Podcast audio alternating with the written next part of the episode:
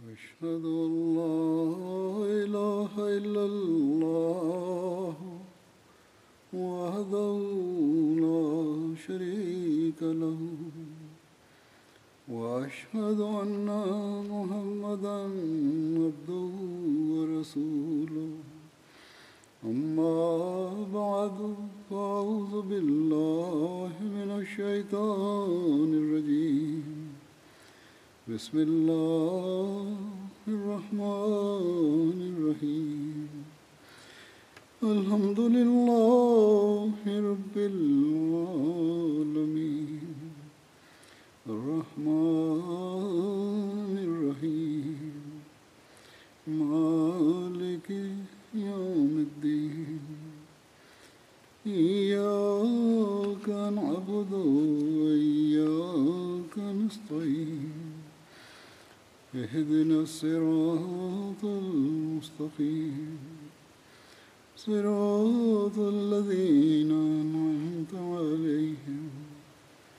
غير المغضوب عليهم ولا الضالين.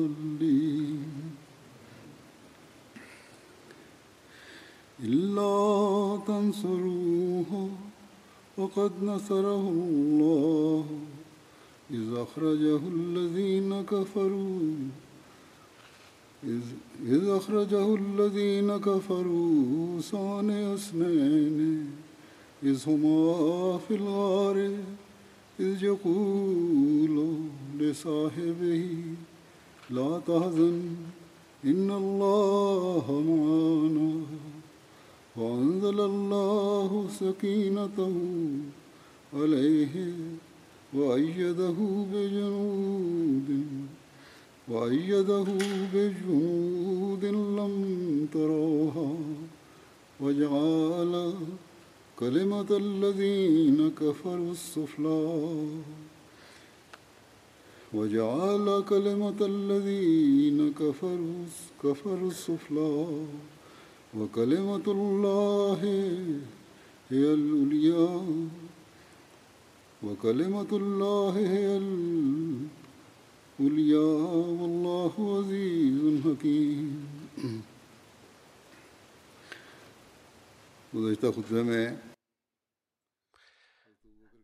في الخطبة الماضية ذكرت لكم وجود سيدنا أبو بكر رضي الله عنه في غار ثور. ومن منطلق وصول العدو إلى مدخل غار ثور يقول الله عز وجل في هذه الآية وترجمتها الأردية كالتالي: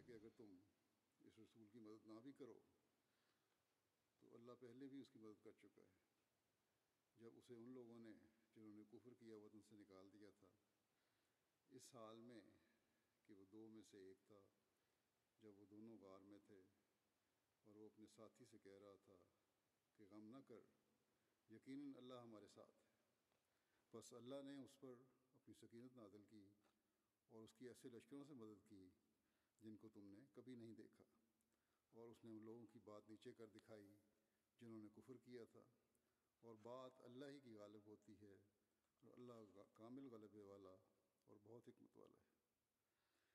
هذه الواقعة وردت في القرآن الكريم انطلاقا من غار ثور. حيث كان كفار مكة يتكلمون واقفين على مدخل الغار ففزع سيدنا أبو بكر من سماع أصواتهم وخطر بباله ما الذي يحدث إذا تم القبض على رسول الله صلى الله عليه وسلم هنا. إذ كان الإسلام كله مرتبطا بتلك الذات المباركة. فحين لاحظ النبي صلى الله عليه وسلم فزعه من أجله صلى الله عليه وسلم قال له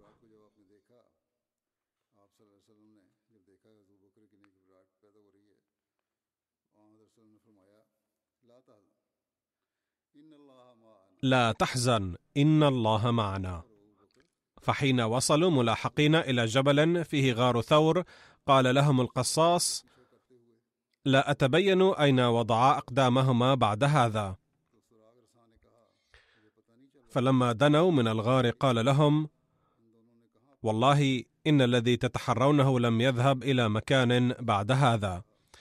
وحين تكلم عن كل هذا واقفا على فوهة الغار وأراد أحدهم أن يطل إلى داخل الغار للتأكد من ذلك.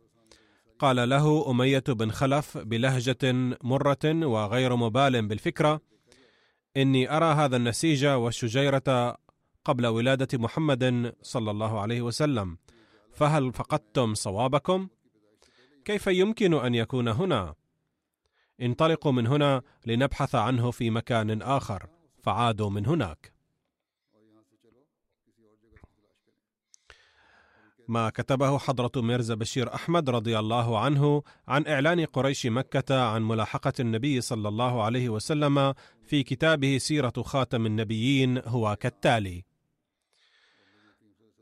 لقد أعلنوا أن من يأتي بمحمد صلى الله عليه وسلم حيا أو ميتا فله مئة بعير جائزة.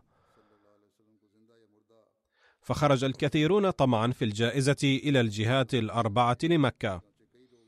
وخرج زعماء قريش أيضا يقتفون أثره صلى الله عليه وسلم ووصلوا إلى مدخل غار ثور بالضبط. وبعد الوصول إلى هناك قال لهم القصاص لا أثر له بعد هذا المكان. فإما محمد صلى الله عليه وسلم مختف في مكان قريب من هنا أو طار إلى السماء.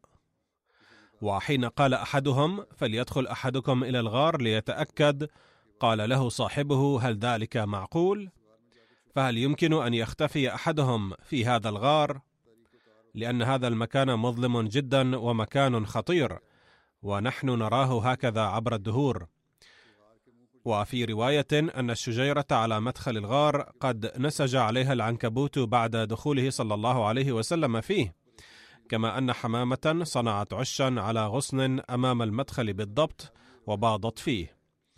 ويرى حضرة ميرزا بشير أحمد رضي الله عنه هذه الرواية ضعيفة لكنه إذا كان قد حصل ذلك فليس مما يثير العجب إذ أن العنكبوت أحيانا ينسج بيته خلال دقائق على مساحة واسعة. كما أن بناء العش ووضع البيض فيه أيضا لا يستغرق وقتا طويلا. لذا إذا كان الله تعالى قد دبر ذلك كله لحماية رسوله فليس من المستبعد. بل إن حدوث ذلك أقرب إلى القياس نظرا لذلك الوضع. على كل حال لم يتقدم أحد من قريش وعادوا من هناك كلهم. يتابع حضرة ميرزا بشير أحمد ويقول كانت قريش قد اقتربت من الغار كثيرا حيث كانا يريان أقدامهم من داخل الغار ويسمعان كلامهم. فقال أبو بكر لرسول الله فزعا لكن بصوت خافت يا رسول الله اقتربت قريش كثيرا حتى أرى أقدامهم. وإذا أطلوا قليلا فباستطاعتهم أن يرونا فقال النبي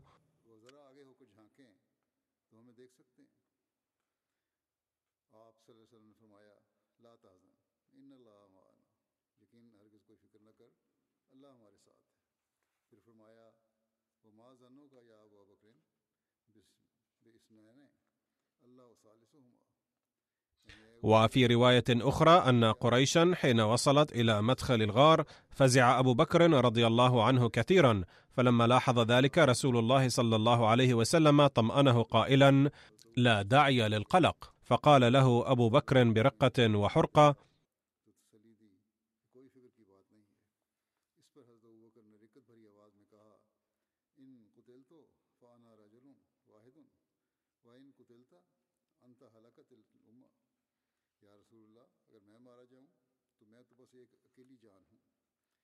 فقال له بتلقي الوحي من الله عز وجل.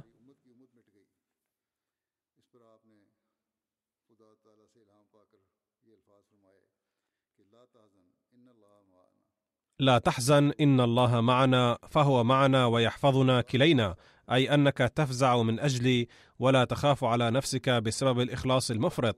لكن الله تعالى ليس حافظي أنا وحدي فقط بل هو حافظك أيضا وسوف يقينا كلينا من شر العدو.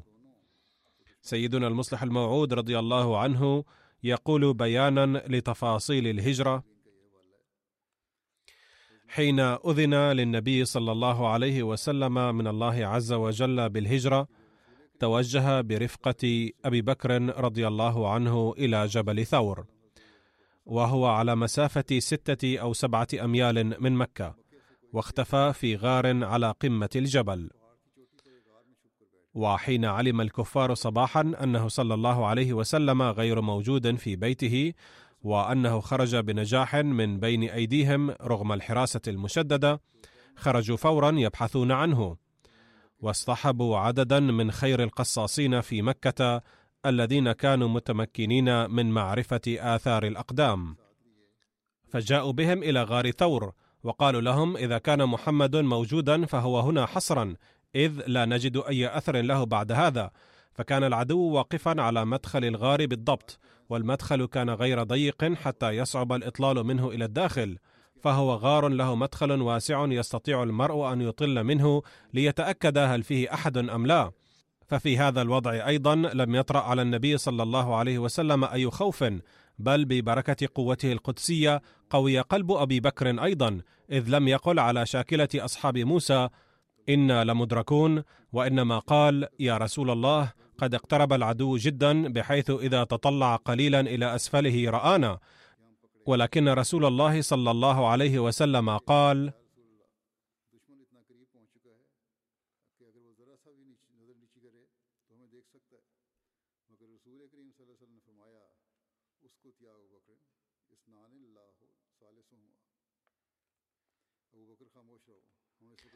نحن لسنا الآن اثنين فقط بل الله ثالثنا وأن لهم في هذه الحالة أن يرونا وهذا ما حدث فرغم أن الأعداء كانوا قد وصلوا إلى مدخل الغار إلا أنهم لم يتقدموا ليطلوا داخله بل رجعوا متأسفين حانقين.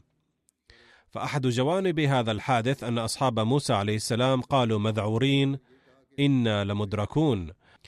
وهذا يعني أنهم ظنوا أن فرعون سيقبض على موسى معهم ولكن توكل النبي صلى الله عليه وسلم على ربه قد أثر في صاحبه أيضا فلم يقل إنا لمدركون بل قال لقد اقترب منا العدو بحيث يستطيع أن يرانا.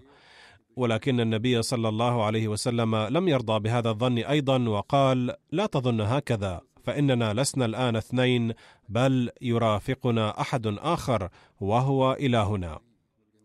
يقول سيدنا المصلح الموعود في موضع آخر حين بدأ سكان مكة ممارسة أشنع اضطهاد لرسول الله صلى الله عليه وسلم مما عرقل مهمة نشر الدين أمره الله سبحانه وتعالى أن يهاجر من مكة.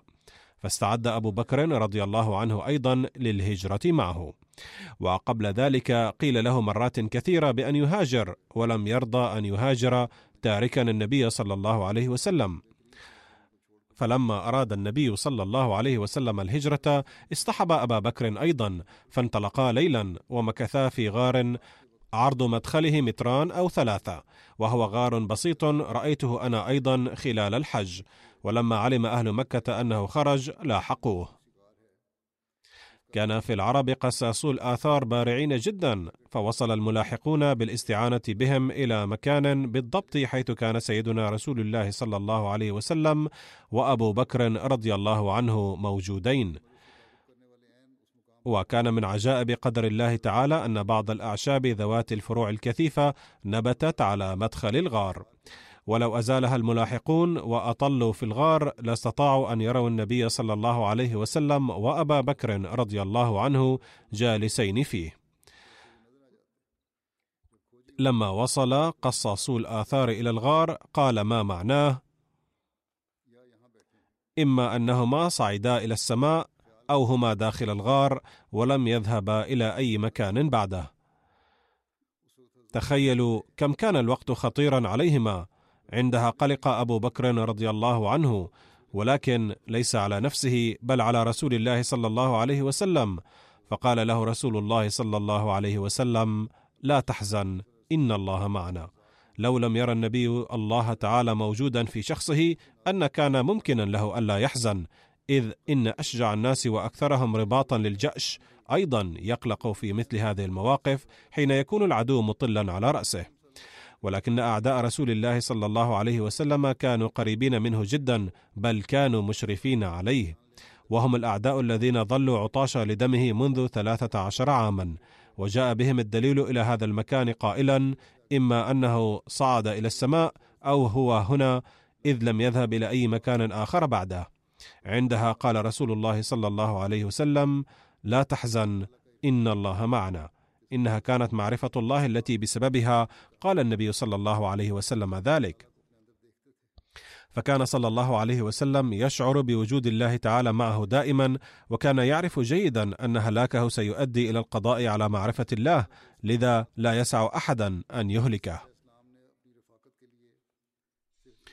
يقول المسيح الموعود عليه السلام لقد اختار عيسى عليه السلام لرفقته شخصا واحدا هو توما كما اختار نبينا الأكرم صلى الله عليه وسلم أبا بكر رضي الله عنه وحده عند الهجرة إلى المدينة.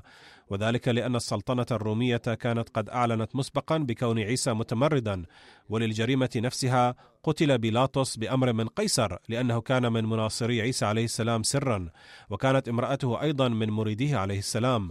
فكان ضروريا أن يخرج عيسى من ذلك البلد خفية وألا يصطحب معه قافلة كبيرة. لذا فقد اختار الحواري توما وحده ليصطحبه كما اختار نبينا الأكرم صلى الله عليه وسلم أبا بكر رضي الله عنه وحده في أثناء السفر إلى المدينة. وكما لحق الصحابة رضوان الله عليهم النبي صلى الله عليه وسلم في المدينة بطرق مختلفة كذلك لحق الحواريون بعيسى عليه السلام بواسطة طرق مختلفة وفي أوقات مختلفة. ويقول عليه السلام في مكان آخر لقد ظهر صدق أبي بكر الصديق رضي الله عنه عندما حوصر النبي صلى الله عليه وسلم وإن كان بعض الكفار يرون إخراجه أيضا ولكنهم في الأصل كانوا ينوون قتله. ففي هذه الحالة أبدأ أبو بكر الصديق نموذج صدقه وإخلاصه الذي يكون مضرب المثل إلى الأبد. إن انتخاب النبي صلى الله عليه وسلم أبا بكر الصديق رضي الله عنه في ساعة العسرة هذه بحد ذاتها دليل قوي على أفضليته رضي الله عنه وإخلاصه العظيم. هذه هي حال انتخاب النبي صلى الله عليه وسلم. كان عنده سبعون أو ثمانون من الصحابة حين ذاك وكان علي رضي الله عنه أيضا هناك ولكنه صلى الله عليه وسلم انتخب أبا بكر الصديق رضي الله عنه لرفقته فقط. ما السر في ذلك؟ الحق أن النبي يرى بعين الله إن فهمه يأتي من الله تعالى. لذا فقد أخبر الله النبي صلى الله عليه وسلم بالكشف والإلهام أن أبا بكر الصديق رضي الله عنه هو الأفضل والأنسب لهذه المهمة. لقد رافقه أبو بكر في ساعة العسرة تلك وكان وقت ابتلاء خطير. عندما أتى على المسيح عليه السلام مثل هذا الوقت العصيب خذله تلاميذه وهربوا منه بل لعنه أحدهم. ولكن كل واحد من الصحابة الكرام رضوان الله عليهم قدم نموذج إخلاص تام. باختصار إن أبا بكر رضي الله عنه رافق النبي صلى الله عليه وسلم وسانده تماما واختفى النبي صلى الله عليه وسلم في غار يسمى غار ثور. ووصل إلى الغار الكفار الأشرار الذين قد تآمروا على إيذائه. فقال أبو بكر لقد وصل العدو على رأسنا تماما ولو نظر أحدهم إلى الأسفل قليلا لرأونا وقبضوا. فقال صلى الله عليه وسلم لا تحزن إن الله معنا. فكروا في هذه الكلمة فإن النبي صلى الله عليه وسلم قد ضم فيها أبا بكر إليه وقال إن الله معنا ومعنا يشمل الاثنين أي أن الله معك ومعي أيضا. لقد جعل الله تعالى النبي صلى الله عليه وسلم في كفة والصديق في كفة أخرى. كان الاثنان في ابتلاء في ذلك الوقت لأنه هو الموقف الذي كان سيوضع فيه أساس الإسلام أو يقضى عليه. كان العدو موجودا على الغار وكان كل واحد يدلي برأيه يتشاورون ويدلون بآرائهم. فقال بعضهم علينا أن نفتش الغار لأن آثار الأقدام تنتهي إليها وتختفي. ولكن قال بعضهم أن لإنسان أن يدخل في هذه المغارة. ذلك لأن العنكبوت كان قد نسج بيته وكانت الحمامة قد باضت. وكانت أصواتهم هذه تصل داخل المغارة وكانا يسمعانها بكل وضوح. لقد جاء العدو للقضاء عليهما وجاءوا مسرعين كالمجانين. ولكن انظروا إلى كمال شجاعة النبي صلى الله عليه وسلم حيث يقول لرفيقه الصادق والعدو على رأسهما لا تحزن إن الله معنا. هذه الكلمات تكشف بجلاء تام أنه قد أدى هذه الكلمات بلسانه لأنها تتطلب صوتا مسموعا لأن الإشارة لا تحقق الغرض منها. وكان العدو يتشاور في الخارج والخادم ومخدومه يتحاوران داخل المغارة غير مبالين أن العدو سيسمعهما. وهذا يدل على كمال الإيمان بالله تعالى ومعرفته. كان واثقا بوعود الله ثقة تامة. أما النبي فتكفي هذه الواقعة نموذجا على شجاعته صلى الله عليه وسلم. ويقول عليه السلام أيضا لقد أظهر الله تعالى آية خارقة للعادة لحماية نبيه المعصوم بحيث كان المعارضون قد وصلوا إلى الغار الذي كان النبي صلى الله عليه وسلم مختفيا فيه مع رفيقه ولكنهم لم يقدروا على رؤيته صلى الله عليه وسلم لأن الله تعالى أرسل حمامتين صنعا عشا على باب الغار في الليلة نفسها فانخدع منه المعارضون وعادوا أدراجهم خائبين منخدعين. وفي رواية أن عبد الله بن أبي بكر الابن الذكي لأبي بكر الصديق رضي الله عنه كان يأتي غار ثور ليلا ويطلعهما على أخبار مكة التي ظهرت للعيان أثناء النهار كله. ويأخذ التعليمات ويعود إلى مكة في الصباح الباكر بأسلوب كأنه بات في مكة. وإلى جانب ذلك انظروا إلى ذكاء عامر بن فهيرة بحيث كان يعيد ليلا قطيعا من شياه لبونة بعد أن يعطيهما لبنها بأسلوب كانت آثار أقدام عبد الله بن أبي بكر أيضا تمحى. لقد قال بعض من أصحاب السير أن أسماء رضي الله عنها كانت توصل الطعام كل يوم ولكن هذا الكلام يبدو بعيدا عن القياس. وإن رأي الآخرين القائل أن مجيء سيدة إليها كل ليلة في حالة خطيرة كهذه كان بمنزلة كشف اللثام عن السر. ولما كان عبد الله بن أبي بكر كان يأتيهما كل يوم فما حاجة أسماء رضي الله عنها أن تأتي بالطعام كل يوم؟ الله أعلم بذلك على اي حال. لقد مضت ثلاثة أيام على هذا النحو ولما فرغ أهل مكة في أماكن قريبة وفشلوا في مهمتهم تشاوروا فيما بينهم ليعلنوا جائزة كبيرة. فأرسلوا إلى قرى مجاورة أناسا يعلنون أن الذي يأتي بمحمد صلى الله عليه وسلم حيا أو ميتا سيعطى مئة بعير جائزة. وإن الطمع في هذه الجائزة الكبيرة نشط الناس مجددا للبحث عن رسول الله صلى الله عليه وسلم. ومن ناحية ثانية جاء عبد الله بن أريقط بحسب الوعد بالبعير بعد مضي ثلاثة أيام. فقد جاء في رواية البخاري أنه كان هناك وعد أن عبد الله بن أريقط سيأتي بالبعير صباحا بعد مضي ثلاثة أيام. يترشح من هذه الرواية أن السفر من غار ثور إلى المدينة قد بدأ صباحا ولكن يتضح من رواية أخرى للبخاري نفسه أن هذا السفر قد بدأ ليلا. يقول ميرزا بشير أحمد عند ذكر عبد الله بن أريقط أن النبي صلى الله عليه وسلم وأبا بكر رضي الله عنه قد عهد إليه ناقتيهما وطلبا منه أن يحضرهما إلى الغار بعد ثلاث ليال أي عند صباح اليوم الثالث. فوصل بحسب الموعد. هذا ما ورد في رواية البخاري ولكن المؤرخين كتبوا أن النبي صلى الله عليه وسلم بدأ سفره ليلا وتصدق ذلك رواية أخرى من البخاري. كذلك الأقرب إلى القياس أن يكون النبي صلى الله عليه وسلم قد بدأ سفره ليلا. لقد خرج النبي صلى الله عليه وسلم من هذا الغار وبدأ سفره ليلة الاثنين الموافق للواحد من ربيع الأول. وبحسب رواية ابن سعد بدأ صلى الله عليه وسلم سفره في الرابع من ربيع الأول أما الرواية الأولى فهي من تاريخ الخميس. يقول العلامة ابن حجر العسقلاني شارح صحيح البخاري قال الحاكم تواترت الأخبار أن خروجه كان يوم الاثنين ودخوله المدينة كان يوم الاثنين إلا أن محمد بن موسى الخوارزمي قال إنه خرج من مكة يوم الخميس ويقول العلامة ابن حجر وهو يوافق بين هذه الروايات كان خروجه من مكة يوم الخميس وخروجه من الغار كان ليلة الاثنين بعد الإقامة فيه ثلاث ليال فهي ليلة الجمعة وليلة السبت وليلة الأحد.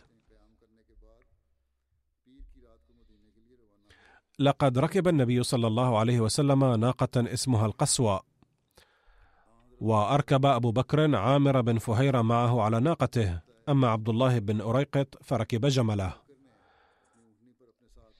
لقد احتمل أبو بكر ماله كله في البيت وكان خمسة آلاف درهم أو ستة آلاف.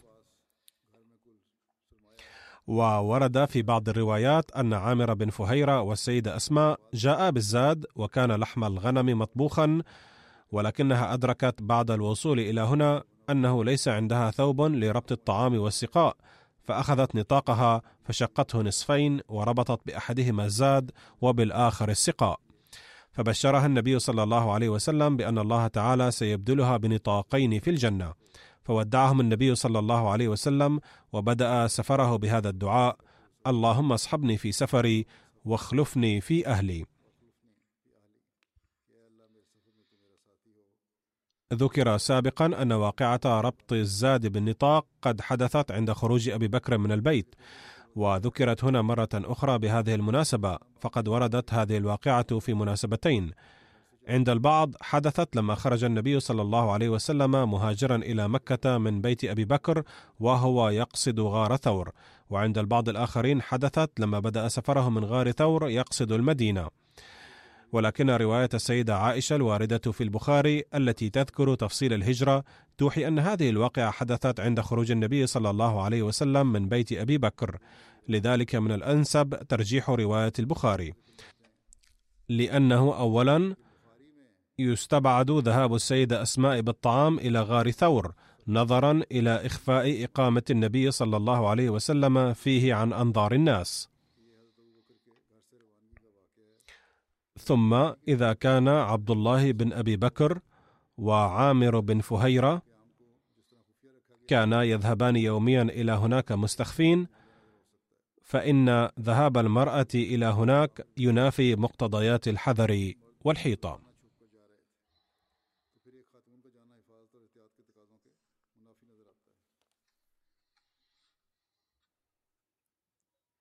على أي حال إن حدوث مثل هذه الواقعة في البيت أيضا تعكس حب السيدة أسماء وإخلاصها للنبي صلى الله عليه وسلم.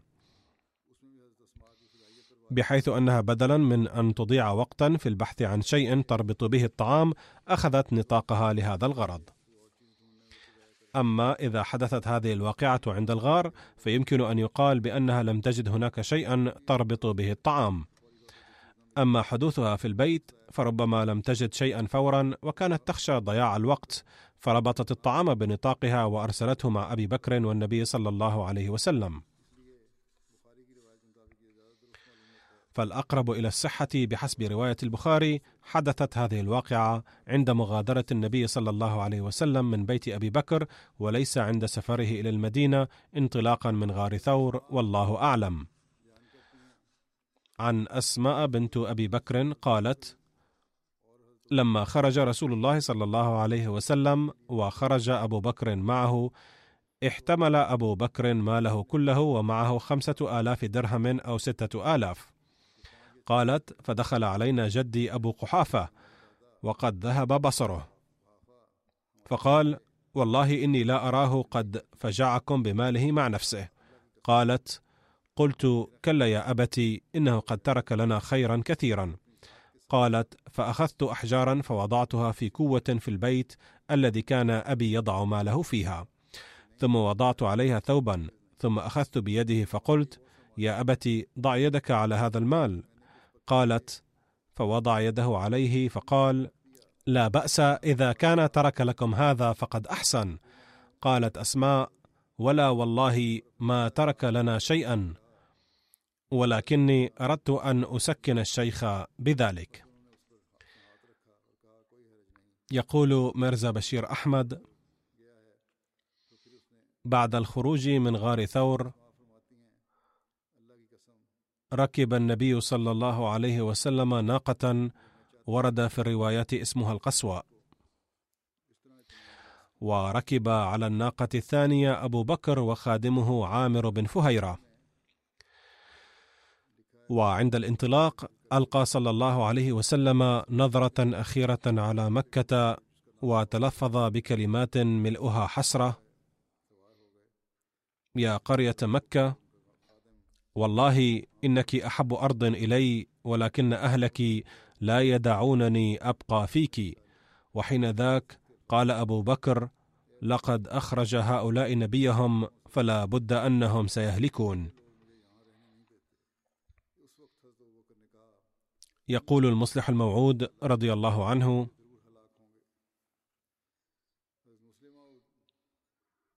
انتظر الرسول صلى الله عليه وسلم وأبو بكر يومين بالغار. وفي الليلة الثالثة حسب الخطة الموضوعة مسبقا جاءت ناقتان سريعتان إلى الغار. ركبهما محمد رسول الله صلى الله عليه وسلم ورفقاؤه في السفر. فقد ركب إحداهما الرسول صلى الله عليه وسلم والدليل الذي سيرشد إلى الطريق والأخرى لأبي بكر وخادمه عامر بن أبي فهيرة. وورد في إحدى الروايات أن النوق كانت ثلاثة. قبل أن ينطلق الرسول صلى الله عليه وسلم نظر خلفه إلى مكة تلك البلدة المقدسة التي ولد فيها وبعث فيها والتي كان مسكن أجداده منذ زمن إسماعيل عليه السلام.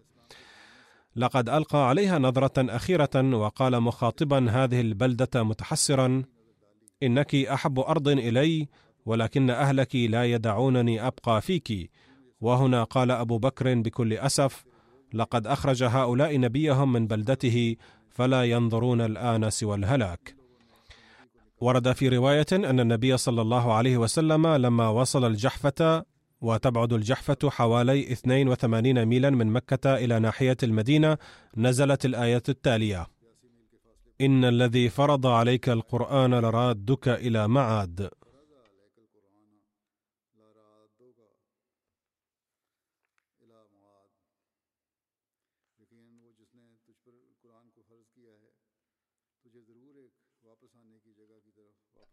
لقد استمر هذا السفر ليلا واليوم التالي حتى إذا أظهروا آووا إلى صخرة للاستراحة. وهنا فرش أبو بكر للنبي صلى الله عليه وسلم والتمس منه ليستريح فاضطجع عليه النبي صلى الله عليه وسلم. ثم انطلق أبو بكر لينظر ما حوله هل يرى من الطلب احدا؟ فإذا براعي غنم يسوق غنمه إلى الصخرة باحثا عن الظل. يقول أبو بكر فسألته فقلت له لمن أنت يا غلام؟ قال لرجل من قريش سماه فعرفته. فقلت هل في غنمك من لبن؟ قال نعم. قلت فهل أنت حالب لنا؟ قال نعم. فأمرته فاعتقل شاة من غنمه ثم أمرته أن ينفض ضرعها من الغبار. فحلب لي كثبة من لبن في إناء وصببت عليه ماء حتى برد أسفله فقدمته للنبي صلى الله عليه وسلم. وفي رواية أن أبا بكر رضي الله عنه لما أتى بالحليب وجد النبي صلى الله عليه وسلم نائما فلم يرد إزعاجه في نومه فانتظر حتى يستيقظ. ولما استيقظ النبي صلى الله عليه وسلم عرض عليه الحليب وقال: يا رسول الله تفضل واشرب الحليب. فشربه. قال أبو بكر رضي الله عنه فلما شربه النبي صلى الله عليه وسلم غمرتني الفرحة. ثم قلت يا رسول الله حان الرحيل. فقال نعم. وفي رواية أن النبي صلى الله عليه وسلم قال لأبي بكر لنبدأ السفر الآن. فقال أبو بكر نعم يا سيدي. فبدأ السفر. أما قصة مطاردة سراقة بن مالك للنبي صلى الله عليه وسلم فهي أن السفر إلى المدينة بدأ تحت إشراف أحد الخبراء بالطرق يدعى أريقط وكان السفر من جهة القرى الساحلية عبر طريق مختلف عن الطرق العامة المعروفة. وكان الكفار أعلنوا في مكة وما حولها من القرى إعلانا عاما بإعطاء جائزة مئة بعير. وكان الجميع يريد الفوز بهذه الجائزة الثمينة. وقد حكى سراقة بن مالك بنفسه هذه القصة بعد إسلامه فقال: جاءتنا رسل الكفار وكانوا قد جعلوا في رسول الله صلى الله عليه وسلم وأبي بكر دية كل واحد منهما لمن قتلهما أو أسرهما. قال سراقة: فبين أنا جالس في مجلس قومي بني مدلج جاء رجل حتى قام علينا فقال: يا سراقة إني رأيت انفا أسودة بالساحل أو قال: رأيت قافلة ثلاثة أشخاص أراهم محمدا وأصحابه. قال سراقة: فعرفت أنهم محمد وأصحابه. ولكني لم أرد أن يشاركني احد في الجائزة فاستدركت الموقف فورا وغمزت إلى هذا القائل بأن يسكت وقلت إنهم ليسوا بهم. إنما رأيت فلانا وفلانا انطلقوا أمامنا انفا يبغون ناقة لهم قد ضلت. قال سراقة ولبثت في المجلس ساعة حتى لا يشكوا في أمري. حتى قمت فأمرت جاريتي أن تخرج لي فرسي السريعة إلى مكان كذا وراء البيت فتحبسها علي. ثم بعد قليل أتيت هناك فركبت فرسي وطرت بها وبدأت أتتبع القافلة التي كنت أرى أنها محمد وأصحابه صلى الله عليه وسلم. وقطعت منزلا تلو منزل حتى اقتربت من القافلة بوقت ليس طويلا. فلما دنوت منهم عثرت بي فرسي خلاف المعتاد فخررت عنها فقمت فاستسقمت بالأزلام فخرج الذي أكره. لكني كنت أريد أن آخذ محمدا معي وأنال جائزة مئة بعير. فقمت وركبت فرسي حتى إذا دنوت منهم بحيث عرفت أنهما محمد وأبو بكر وكنت أسمع صوت محمد صلى الله عليه وسلم يقرأ شيئا. عثرت بي فرسي بشدة وساخت يداها في الرمال فخررت عنها فزجرتها ونهضت فلم تكد تخرج يديها فلما استوت قائمة ثار الغبار من يديها حتى انتشر في السماء مثل الدخان. أي ساخت يدا الفرس في الرمال عميقا وعندما أخرجتهما أثارت الرمال كالدخان. ثم يقول فاستقسمت بالأزلام مرة أخرى. فخرج الذي أكره. فناديتهما بالأمان وقلت لن تجدوا مني شرا. فقال رسول الله صلى الله عليه وسلم لأبي بكر اسأله عما يريد. فقلت أنا سراقة بن مالك وأريد أن أتحدث معكم. فوقفوا. فقلت إن أهل مكة قد جعلوا فيك جائزة مئة بعير لمن يأتي بك حيا أو ميتا. وقد تعقبتكما طمعا في هذه الجائزة ولكن ما حدث معي قد جعلني أوقن بأني لم أكن مصيبا في مطاردتكم. ثم عرضت على النبي صلى الله عليه وسلم الزاد والمتاع ولكنه لم يقبلهما ولم يسألني إلا أن أخفي عنا. فوعدته بذلك وقلت أيضا إني موقن أنك ستنال الملك يوما ما فاكتب لي كتاب عهد حتى إذا حضرت إليك وأنت ملك ألقى العز والاحترام. وفي رواية أنه طلب كتاب أمان فأمر النبي صلى الله عليه وسلم بذلك فكتبه له أبو بكر رضي الله عنه وفي رواية كتبه له عامر بن فهيرة فرجع بالكتاب. هذا الذكر سوف يستمر أكثر إن شاء الله تعالى. من الغد سيبدأ العام الجديد إن شاء الله. أدعو الله تعالى أن يجعله عاما مباركا من كل النواحي لجماعتنا أفرادا وجماعة وأن يحفظ الله الجماعة من كل شر وسوء ويفشل كل مكيدة من مكائد أعدائها فشلا ذريعا. وأن نرى الوعود التي قطعها الله تعالى مع سيدنا المسيح الموعود عليه الصلاة والسلام تتحقق بكثرة في حياتنا. وأن يرينا الله تعالى هذه المشاهد.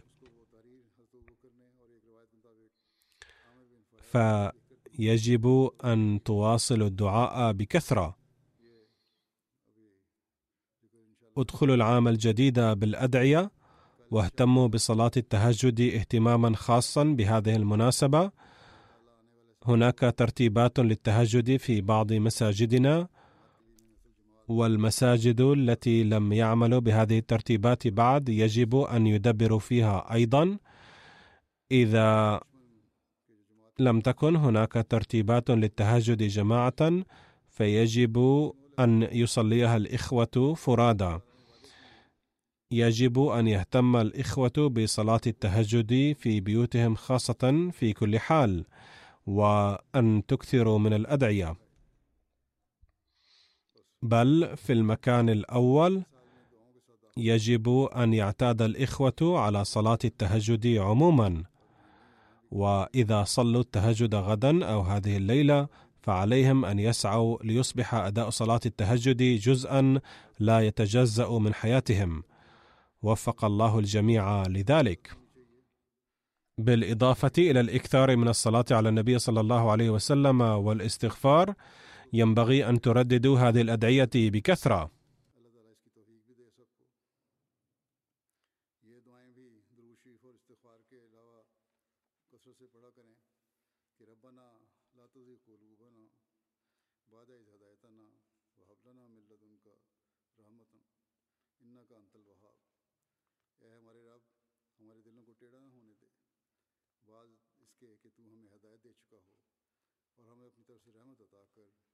الادعيه بكثره پھر یہ بھی دعا پڑھیں ربنا اغفر لنا ذنوبنا واسرافنا فی امرنا وثبت اقدامنا وانصرنا علی القوم کہ اے ہمارے رب ہمارے گناہ بخش دے اور اپنے معاملے میں ہماری زیادتی بھی وفق الله تعالى كل احمدي لذلك بعد صلاة الجمعة سوف أصلي صلاة الجنازة على بعض الإخوة والأخوات وأريد أن أذكر بعض محاسنهم الآن.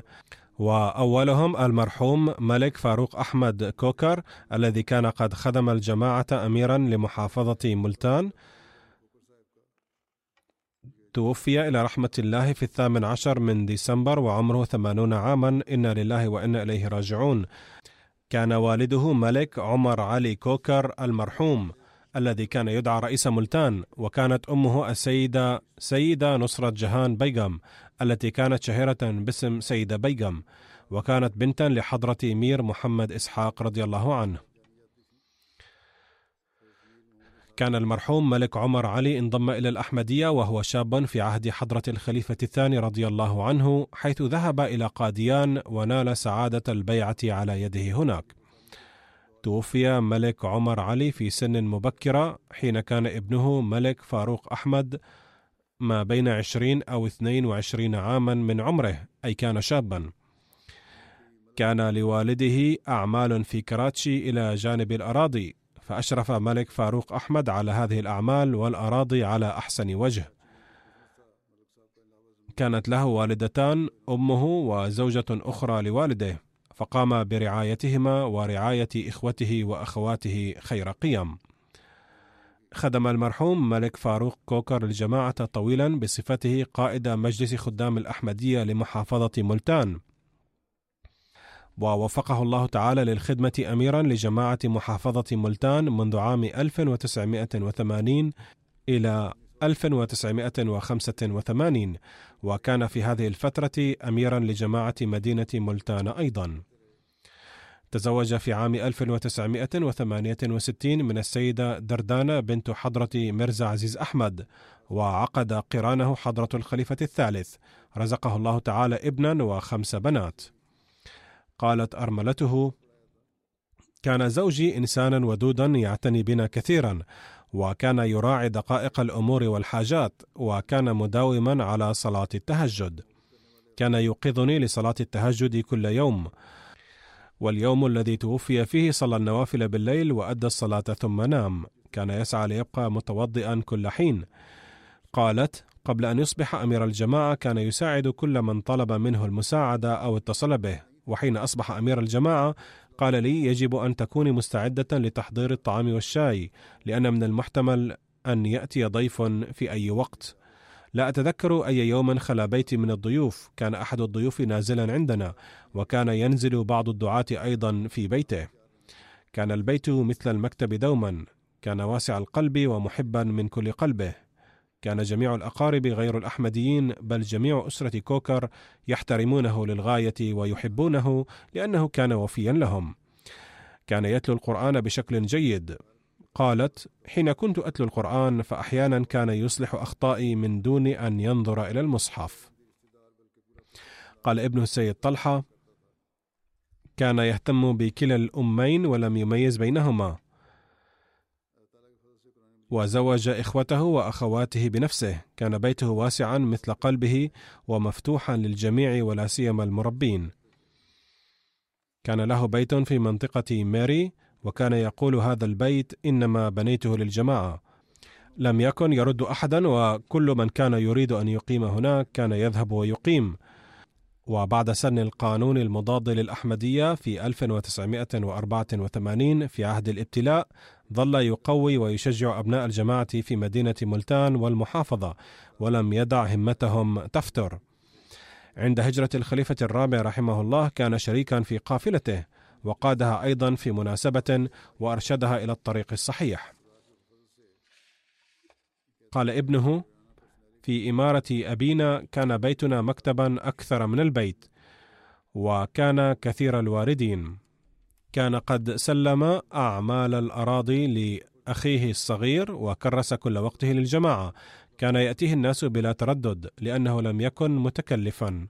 كان يساعد أقاربه غير الأحمديين. قد جاء بعضهم على جنازته وقالوا باكين قد أصبحنا اليوم بلا كفيل لأن المرحوم كان يساعدنا ماديا. قال كان ينصحنا الالتزام بالصلوات ولا سيما صلاة الفجر. قالت ابنته فائزة كان توكل أبينا مثالا حسنا لنا. كان قد مر بكل أنواع الظروف صار يتيما في شبابه شهد العسر واليسر ولكني رأيته متوكلا منذ صغري وكان يقول دوما إن الله تعالى يتكفل بأموري. قالت كان أبي يحب الخليفة للغاية ويبدأ بالبكاء عند ذكر الخليفة. تعرض للابتلاء أيضا وقضى تلك الأيام بغاية الصبر والعكوف على الأدعية.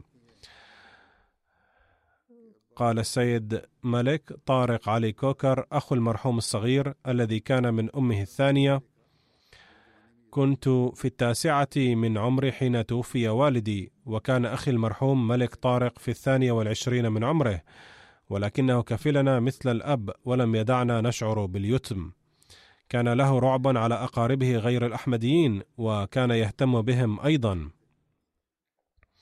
وكان يكفل كثيرا من الأسر الأحمدية وتحمل النفقات الدراسية لكثير من الأطفال الذين أصبحوا يشتغلون بعد الدراسة. وكان يقرض كل محتاج ولم يطلب من أحد إعادته لأنه كان يقرض بهذه النية أنه إذا لم يرجعه فلا بأس. قال كثير من المبايعين الجدد بعد انضمامنا إلى الأحمدية اهتم المرحوم بحاجاتنا مثل الأقارب. كان قد بلغ ثمانين عاما ومنذ سنتين ماضيتين كان يفكر في أداء ما يترتب عليه من تبرع الوصية على عقاراته. وكان قد دفع معظمه وبقي القليل. ندعو الله تعالى أن يوفق أولاده ليدفعوا ما تبقى منه عاجلا. قالت أخته السيدة طاهرة وهي أيضا من أمه الثانية. قد عاملني أخي معاملة الأب ومن أكبر ميزاته أنه عامل جميع إخوته وأخواته وكلا الأمين معاملة سواسية.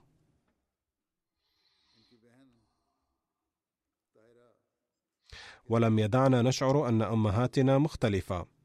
كان في الحقيقة بمنزلة الأب لنا. كان يهتم بي كما يهتم الأب بابنته في الفرح والترح. ثم قالت ابنته السيدة نمود سحر كان بعض من صفات أبي متميزة ونتذكرها مرارا وأهمها استضافته وعلاقة الحب مع الناس. كان مضيافا لدرجة أنه في بعض الأحيان كان يجهز الطعام لأهل البيت وعندما يحضر الضيوف في ذلك الوقت فيرسل الطعام بنفسه لهم. ويدع أهل بيته يأكلون الخبز مع البيض المقلي. ثم قالت إن الإنسان يرتكب كثيرا من الأخطاء في حياته ويتعرض بسببها للابتلاء في بعض الأحيان ولكنه لم يقل ابدا كلاما يفهم منه أن الخليفة أخطأ في قراره. وكان يركز بشكل خاص على الاستماع إلى خطب الخليفة وعلى الارتباط بالجماعة. غفر الله تعالى له ورحمه وألهم أولاده الصبر والسلوان ووفقهم للتقدم في درب الحسنات.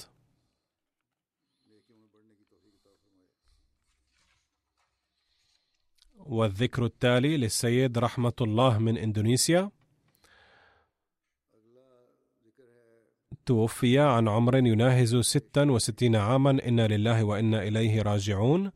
ولد في جاوا الشرقية ودخل الجماعة في عام 1980 نتيجة تبليغ السيد سيوطي عزيز أحمد رئيس الدعاة السابق في إندونيسيا. وفي عام 1993 انضم إلى نظام الوصية وخدم الجماعة في كيرانغ نيتكا حتى وفاته. وترك في ذويه ثلاثة أولاد وستة أحفاد أولاد ابنته. كتبت زوجته رأى المرحوم في الرؤيا أنه واقف بين الناس الذين كانوا في الطوابير فسأل أحدا في أي طابور يجب أن أقف. فأشار إلى طابور فيه شخص صالح فلم يعرف المرحوم ذلك الصالح. وبعد فترة قصيرة علم أن ذلك الصالح هو حضرة المسيح الموعود عليه السلام لذا اقتنع بصدق الجماعة وبايع. كتبت ابنته أن بعد بيعته ظل يخدم الجماعة محليا وفي مجلس أنصار الله. وكان يتلقى تهديدات من قبل أعداء الجماعة ولكنه كان يواجهها بكل شجاعة. كان سخيا للغاية وكلما جاءه أحد للمساعدة فكان يساعده. قالت ابنته الثالثة كان يحب الخليفة ويطيعه تماما. قال السيد عبد الباسط أمير الجماعة في إندونيسيا كان المرحوم يحب جدا الخلافة والجماعة. هناك فرع للجماعة في غرب مدينة جاوا حيث حمل على مسجدنا بعض أعداء الجماعة بضع مرات وطالب السلطات المحلية أن تفرض الحظر على الجماعة. ففي تلك المناسبة واجه السيد رحمة الله المعارضين والسلطات المحلية بكل شجاعة ورد على اعتراضاتهم وبسبب جهود المرحوم لا زالت الجماعة قائمة هناك ولم يفرض عليها حظر. غفر له الله تعالى ورحمه ووفق أولاده لمواصلة حسناته. والذكر التالي للحاج عبد الحميد تاك من ياري بورا في كشمير. لقد توفي في الرابع والعشرين من كانون الأول عن عمر يناهز أربعا وتسعين عاما. إنا لله وإنا إليه راجعون. كان منخرطا في نظام الوصية. كان المرحوم ابن السيد محمد أكرم تاك الياربورا الذي كان من أوائل الأحمديين في هذه المنطقة. كان صالحا ولينا وخلوقا ومحبوبا وجادا وصامتا. وفق لخدمة الجماعة لفترة طويلة بصفته أميرا إقليميا لجماعة جامون وكشمير وناظما لمجلس أنصار الله. وفي الجماعة المحلية أيضا ظل يخدم الجماعة في مناصب متعددة وكان عضوا فخريا لمؤسسة التحريك الجديد في الهند.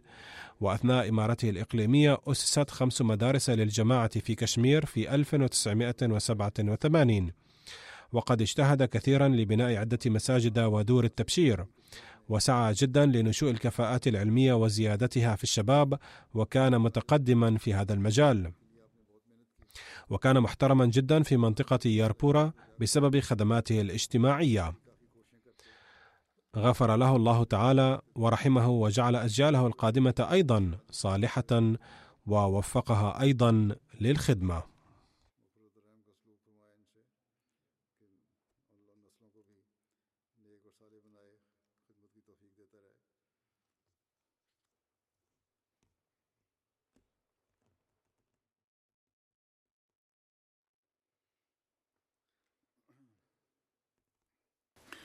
الحمد لله الحمد لله نحمده ونستعينه ونستغفره ونؤمن به ونتوكل عليه. ونعوذ بالله من شرور أنفسنا ومن سيئات أعمالنا. من يهده الله فلا مضل له ومن يضلل فلا هادي له. ونشهد أن لا إله إلا الله. ونشهد أن محمدا عبده ورسوله. عباد الله رحمكم الله. إن الله يأمر بالعدل واللسان وإيتاء ذي القربى وينهى عن الفحشاء والمنكر والبغي يعظكم لعلكم تذكرون. اذكروا الله يذكركم وادعوه يستجب لكم ولذكر الله أكبر.